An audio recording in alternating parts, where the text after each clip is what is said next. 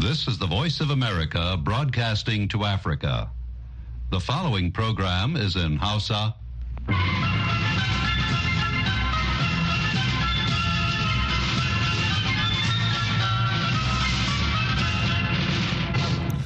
Sashen Hausa na muryar Amurka ke magana daga nan birnin Washington DC.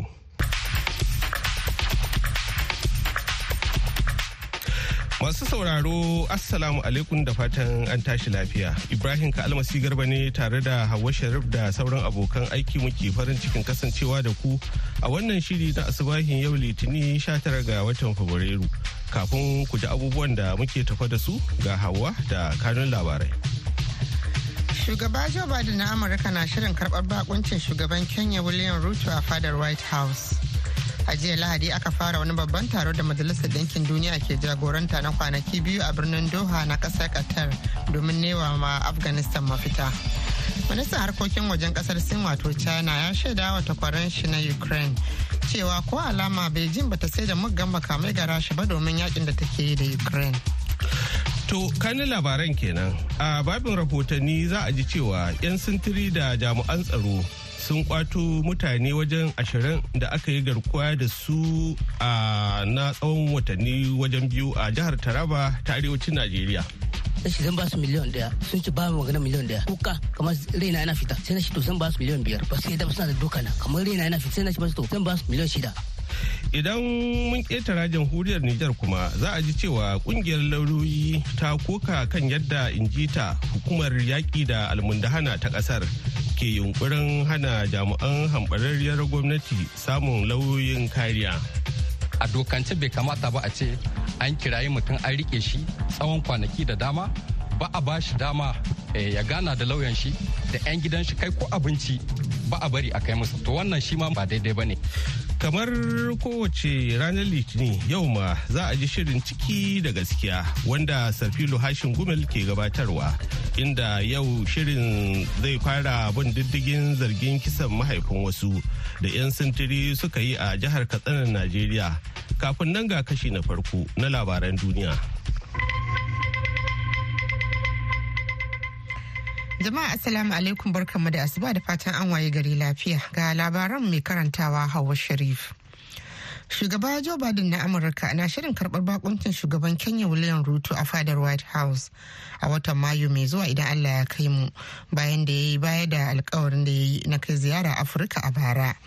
A ranar Juma'a ne jami'ar hulɗa da 'yan jarida ta fadar White House, Karen Jean Pierre, ta ce ziyarar wadda aka shirya kawo ta a ranar 23 ga watan Mayu za ta kasance ta bikin cika shekaru 60 da hulɗar diplomasiya tsakanin Kenya da Amurka, kuma bikin murnar hulɗar aiki domin amfanin al'ummomin ƙasashen biyu tare da jaddada hulɗa da ƙasar ta shugaba Ruto. Karen Jean ta ƙara a cikin sanarwar da cewa ziyarar za ta ƙarfafa kyakkyawar hulɗar ƙasashen biyu da haɓaka sha'anin tsaro da zaman lafiya da faɗaɗa hulɗar tattalin arziki tare da tsayuwa ga kare muradun demokuraɗiyya. A jiya Lahadi aka fara wani babban taro da Majalisar Ɗinkin Duniya ke jagoranta na kwanaki biyu a birnin Doha ta ƙasar Qatar domin nema wa Afghanistan mafita ba tare da wadda ake yin taron domin su wato Taliban sun halarta ba. Sakatare janar na Majalisar Ɗinkin Duniya Antonio Guterres wato ke jagorantar taron na wakilan ƙasashe na musamman daga ƙasashe 25 da suka hada da ƙungiyoyin farar hula na afghanistan da ya hada da mata da wakilan ƙungiyar haɗin kan musulunci da ta tarayyar turai da ƙungiyar haɗin kan shanghai. Mahalarta taron za su lalubo hanyar da za su yi hulɗa da gwamnatin taliban a afghanistan bisa tsare-tsare da kuma ingantaccen tsarin cin gishin kan ƙasar ta afghanistan kamar yadda kwamitin tsaro na majalisar ɗinkin duniya ya shimfiɗa a bara. Haka zalika an mika goron gayyata ga taliban domin halartar wani taron a doha amma suka yi watsi da shi. Fadawar birnin avdivka na ukraine hannun dakarun rasha ya sa amurka aza kaimi ga ƙoƙarin da 'yan democrat da takwarorinsu na republican ke yi kan ganin ko tallafin da ya kikaka a gaban majalisar dokokin ƙasar na dala biliyan 60 zai iya ba kif din damar izakiyar rasha baya da samun wata galaba akan hankoran da moscow ke yi. Wata sanarwa daga fadar white house ta ce a yayin wata hira ta wayar tarho da shugaban ukraine vladimir zelensky a jiya lahadi shugaba joe biden ya rataya alhakin kubucewar birnin na avdivka da ke yankin kudu maso gabashin donetsk bisa ƙiƙakan da aka samu game da tallafin amurkan ga ukraine. Sanarwar ta kara da cewa janyewar ukraine daga avdivka kusan shekaru biyu a cika zagayowar ranar da rashin ta mamaye ukraine ta zo bayan da dakarun ukraine din suka samu kansu a halin kasafta 'yan makaman da suka rage a hannunsu sakamakon karancinsu da gaza ɗaukar matsaya a majalisar dokokin amurka. Ta haifar da hakan ya bayyana a fili irin nasarar da rashin ta samu a cikin watanni. Ana sauraron labaran daga nan sashen hausa na murya amurka birnin washington dc To an jima kaɗan Hauwa za ta sake shigowa da ci gaban labaran duniya kafin nan bari mu kawo muku rahotonmu na farko wanda zai kai mu jihar Taraba ta arewacin Najeriya inda 'yan sintiri da jami'an tsaro suka yi kukan kura suka kubuto wasu mutanen da suka shafi watanni biyu a hannun masu garkuwa da mutane don neman kuɗin fansa. Muhammad Salisu Lado gare ka. A Najeriya dai matsalar rashin tsaro da ta'addanci da kuma masu garkuwa da mutane domin neman kuɗin fansa an daɗe ana kwangaba kwan baya domin kuwa matsalar rashin tsaron ya daɗe yana cinwa al'umman ƙasar tuwa kwarya musamman a yankin shiyar arewa maso gabashin ƙasar inda 'yan ta'adda ko kai ce 'yan fashin daji ke ci gaba da cin karensu babu buka a wasu jihohin. Su ma masu garkuwa da mutane domin neman kuɗin fansa sun mai da wannan al'amari ya zama ruwan dare a shiyar arewa maso gabashin ƙasar. Jihar Taraba jiha ce wadda ta daɗe tana fuskantar wannan matsala na rashin tsaro da ya shafe shekaru da dama ana fama da shi a jihar. To sai dai a wannan karo rundunar sojojin Najeriya da kuma haɗin kan 'yan banga suka yi nasarar kuɓutar da akalla mutane 20 waɗanda aka yi garkuwa da su sama da wata biyu da kuma tarwatsa gugun mafakan 'yan ta'addan. Wasu daga cikin waɗanda aka yi nasarar kuɓutar da su sun shaidawa muryar Amurka irin wahalar da suka sha tare da azaba iri daban-daban. Kullum azaba za mu kwana da duka za mu tashi da duka. Da zara sun dan ɗaure idonka idonka ka dan kubuce ya clashin da wani su a ciki. Za a fi da kai dukan da za a maka Allah ne sani. Mutum ɗaya sai ya zo ya minti biyar ko uku yana dukan ka tukuna. Kana ga kaman ya bari wani zai zo ya fara nasa. Suna ta duka na suka sa ni kuma rana. Kalli ranan nan na kalli rana. In bai kalli rana ba za su kashe ni. Sai na kalli ranan ina ta shan wahala suna ta duka na. Ina shan wahala suna ta duka na. Sai su to in kira kuɗi da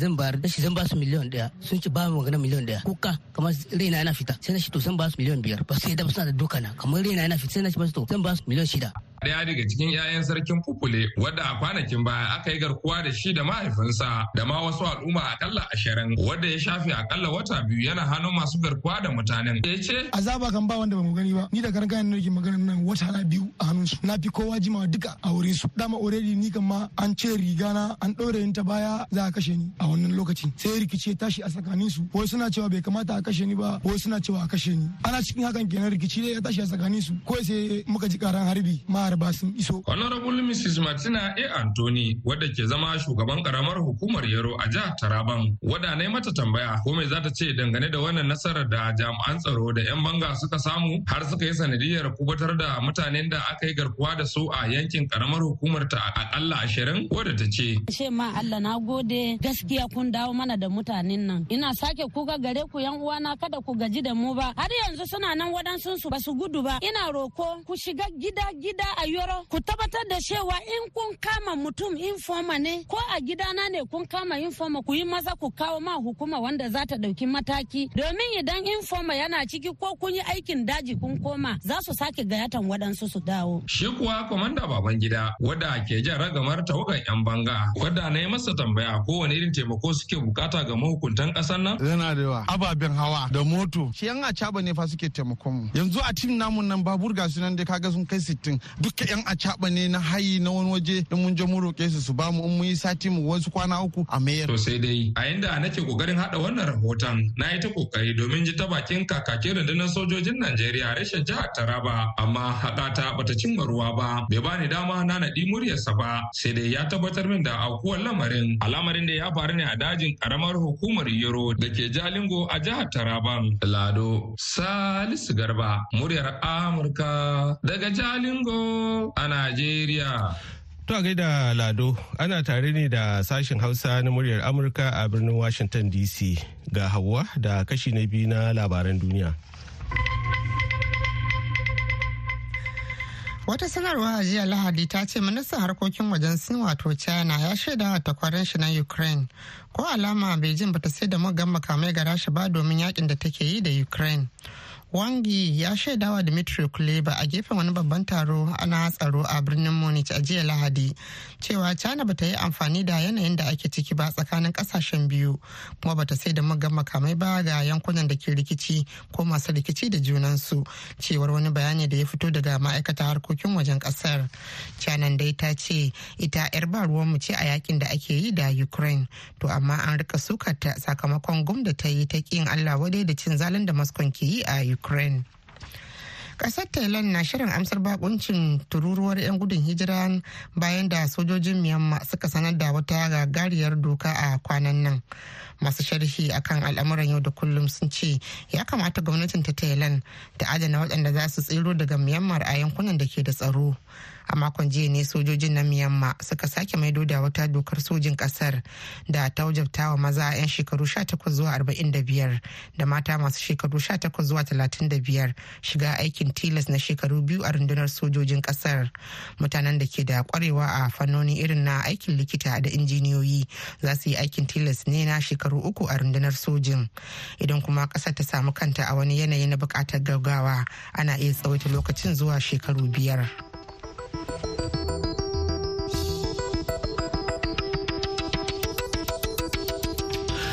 A gaida Hawa Sharif da ta karanto mana labaran duniya daga nan sashen Hausa na muryar Amurka a birnin Washington DC.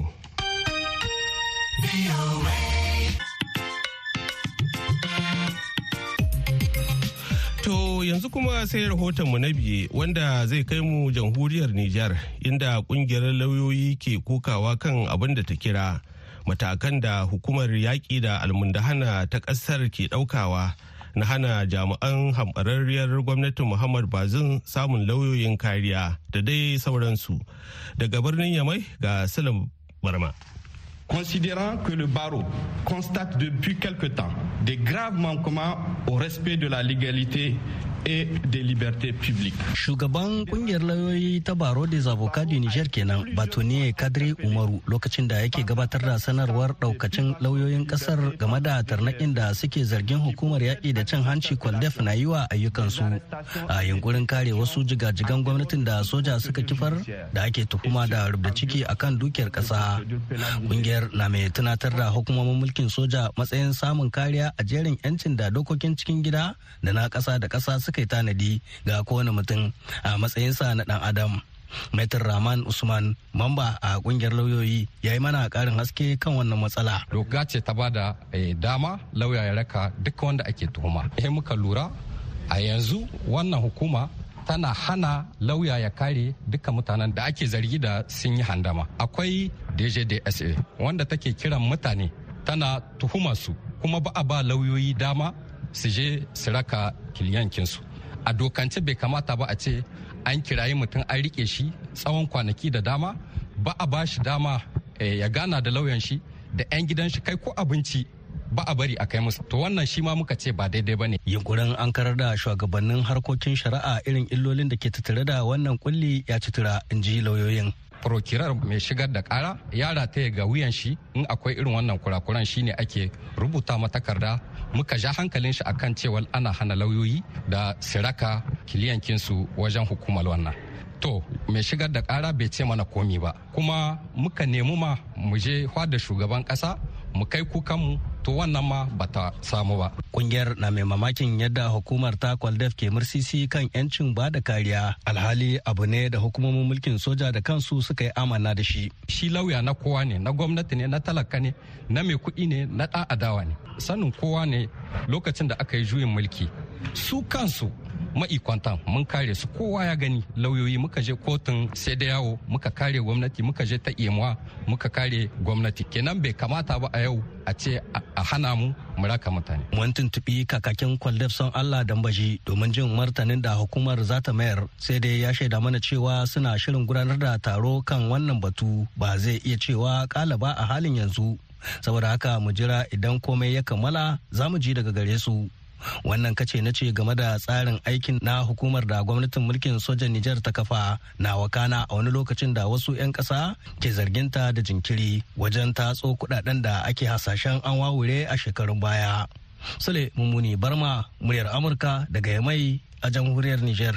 A gaida Suleiman, kada a manta wannan shirin na zuwa muku ne daga nan birnin Washington DC a kan mitoci 1625 da kuma 31 a jamhuriyar Nijar kuma ana iya sauraron mu a tashar mu ta BOA Africa a kan mita 200.5 baya ga haka a yaushe ake so za a iya zuwa shafukanmu na intanet a boahausa.com ko kuma sashen hausa.com yanzu kuma ga shirinmu na gaba.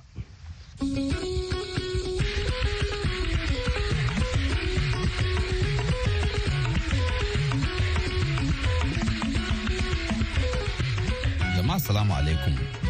Masu sauraro barkan mu da shirin ciki da gaskiyar har kullum kan bukarin take haƙƙin dan adam. A yau shirin zai duba kisan gilla da ake zargin 'yan sa kai na jihar katsina da yi wa wani bawan allah. Ku biyo mu cikin shirin. Sunana sarfil hashim gumel.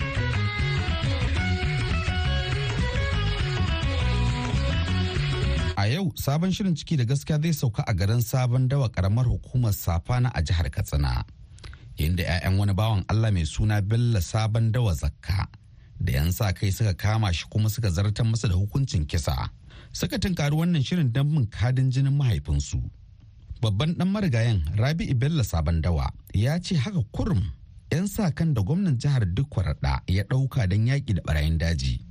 Suka kira mahaifinsu daga cikin abokansa. Inda daga nan sai gawarsa aka samu cikin jini. Rabi da sauran 'yan uwansa sun hakikance mahaifinsu mutumin kirki ne da ya ba su tarbiyya ta gari don haka sun yi matuƙar juyayi da mamakin yadda 'yan sa kan ba tare da bayyana komai ba suka kashe mahaifin nasu.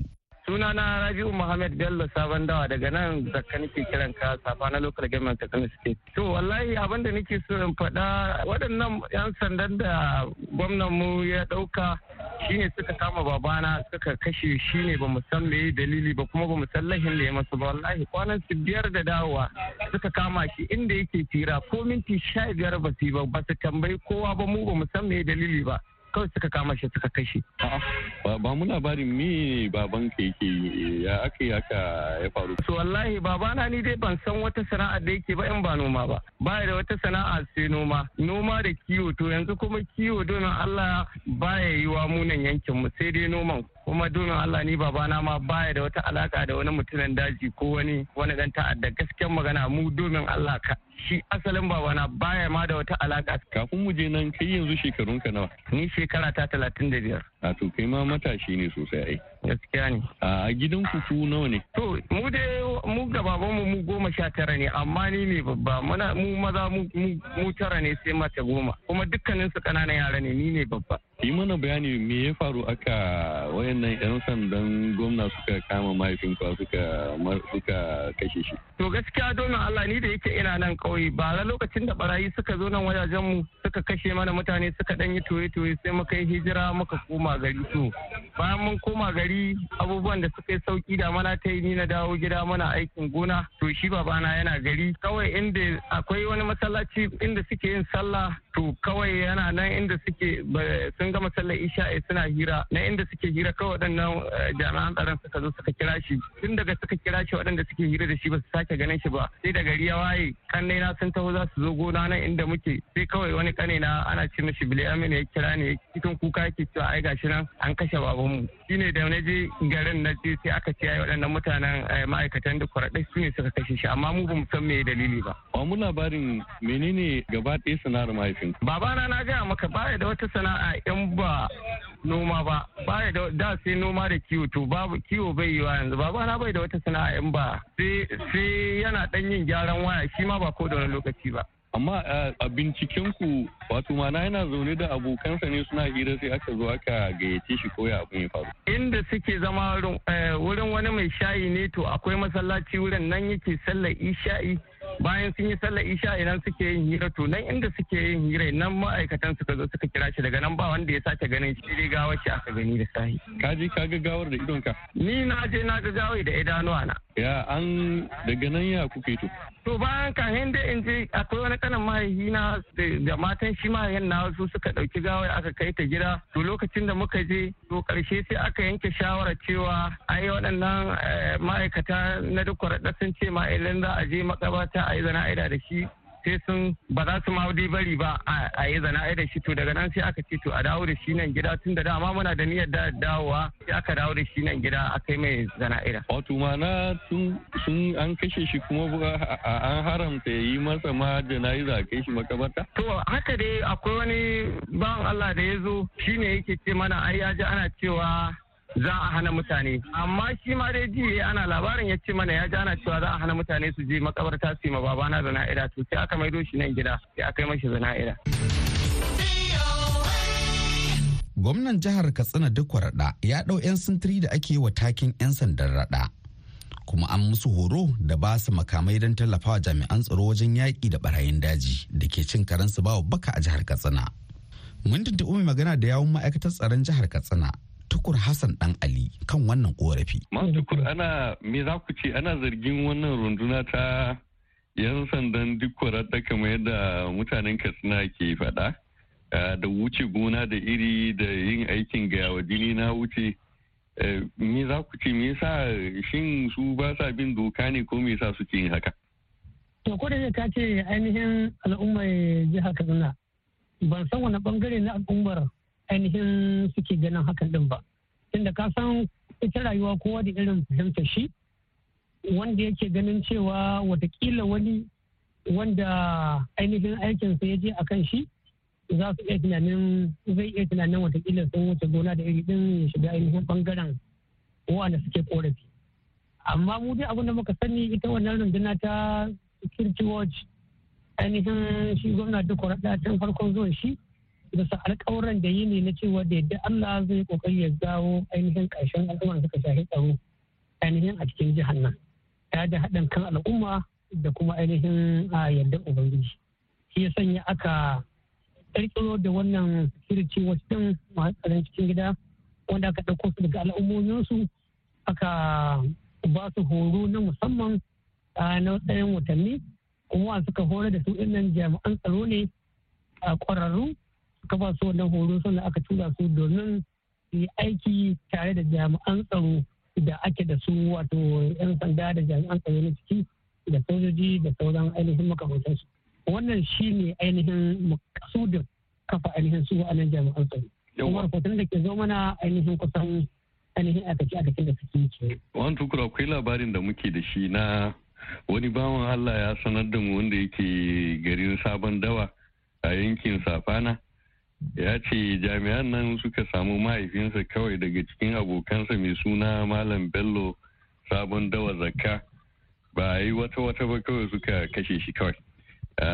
Ba su kuma sun tabbatar ba shi da wani laifi ba komai haka kawai saboda an ba su dama su riƙa kashe mutane suka aikata haka.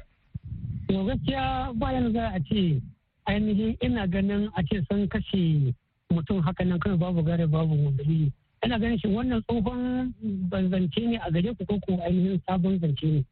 Kuma ani idan ma haka ta faru za a iya samun wannan wataƙila in sun same shi da makami ko wani ainihin canjin makamai haka wataƙila tsakanin su amma dai haka kawai su ja mutum zai shi su kashe shi. Ina ganin cewa a dai ƙara tambayawa ga su wanda suka zo da ainihin wannan bayani. wannan idan sun da sun tabbatar cewa mahaifinsu mutumin kirki ne a abokansa kawai aka je aka ɗauke shi kawai aka je aka bindige shi. Suna da korafi kuma sun tabbatar ba wata matsala. A irin wannan yanayi da suke zargin an yi wa mutumin nan kisan gilla menene in kuka samu irin wannan labarin kuke yi? To eh wannan za a bincika in an tabbatar da cewa ainihin kisan gilla ɗin ne na babu gaira babu dalili. To ai dama shi kan jami'an tsaro in ta kama a ran shi ma kan shi yana zo a kan shi. A yi abin da ya dace. Duk da 'yan sa kan na ikirarin samun nasara, amma ana zargin su da wuce gona da iri da mayuwar halaka waɗanda ba su da laifi da rashin bincike na ƙwararru a fuskar tsaro da kare haƙƙin ɗan adam. Garis Gwalolo ba Fulatani ne da ya shida wannan shiri ya sha da kyar a wata hanya a jihar Katsina. Ni ina tafiya zuwa iyata tana aure mai gidanta ya riga ya rasu. So zan tafi na zo a Katsina. Ni nake tuka mota da kaina. Da suka gani sai suka ga malfa a jikina suka ce kai Fulani ne na ce sai suka ce sauko daga mota. 'Yan banga. na sauko ga dan sanda suka ɗauko addawo za su yanka ni ni fulani ne. Barawo ne ni nace ni barawo ne kuma ba ku san me nake ba za ku ce ni barawo nace to ni ai ni na yake sojan ma kuma na fita. Nace kuma ga takarduna na ya za ku je? Nace za a ce yanzu kowane bufulata ne kawai barawo ne saboda mi to kaga a lokacin nan ba don wai Allah ya sa ni ina da abun nan ba da ranar sun kashe ni kenan. Kuma sun sha su kashe wannan mutane ba magana. Ko an kashe ba abun da za a faɗa. Poli ba su kawo report ba. Wani security ba ruwa sai an kashe wula yanzu akwai bidiyon da zan baka.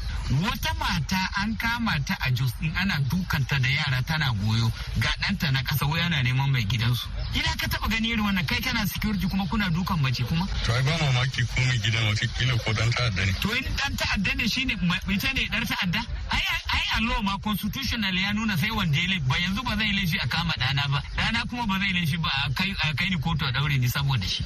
Amma yanzu fulan ne in ka zo ba a gan shi ba kawai sai ya kashe baban ma in an ganka fulan ne kawai an ganka nan ta'adda ne kawai.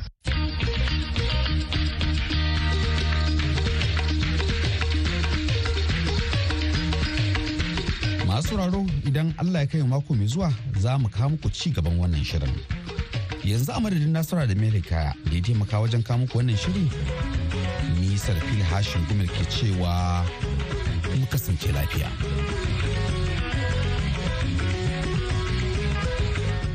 To a gaishe ka da tawagarka da wannan kuma muka zo ga shirinmu na ƙarshe wato labarai amman a taƙaice.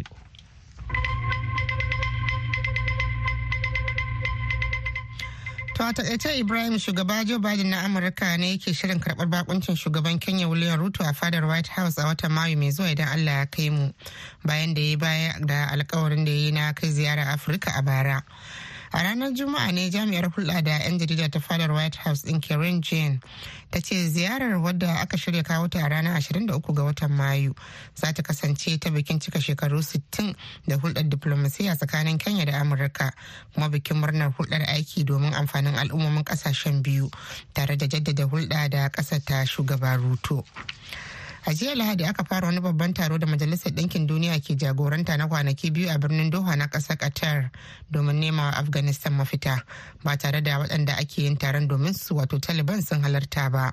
Sakatare janar na majalisar ɗinkin duniya antonio guterres wanda ke jagoranta taron na wakilan ƙasashe na musamman daga ƙasashe 25 da suka hada da ƙungiyar farar hula na afghanistan da suka hada da mata da wakilan ƙungiyar haɗin kan musulunci da ta tarayyar turai da ƙungiyar haɗin kan shanghai. kwaye fadawar birnin abdifka na ukraine hannun dakarun rasha ya sa amurka azakami ga ƙoƙarin da 'yan democrat da takwarorin na republican ke yi kan ganin ko tallafin da ya kika a gaban majalisar dokokin ƙasar na dala biliyan 60 zai iya ba kif din damar izakiyar rasha daga yankunanta da samun wata galaba akan hankoran da moscow ke yi.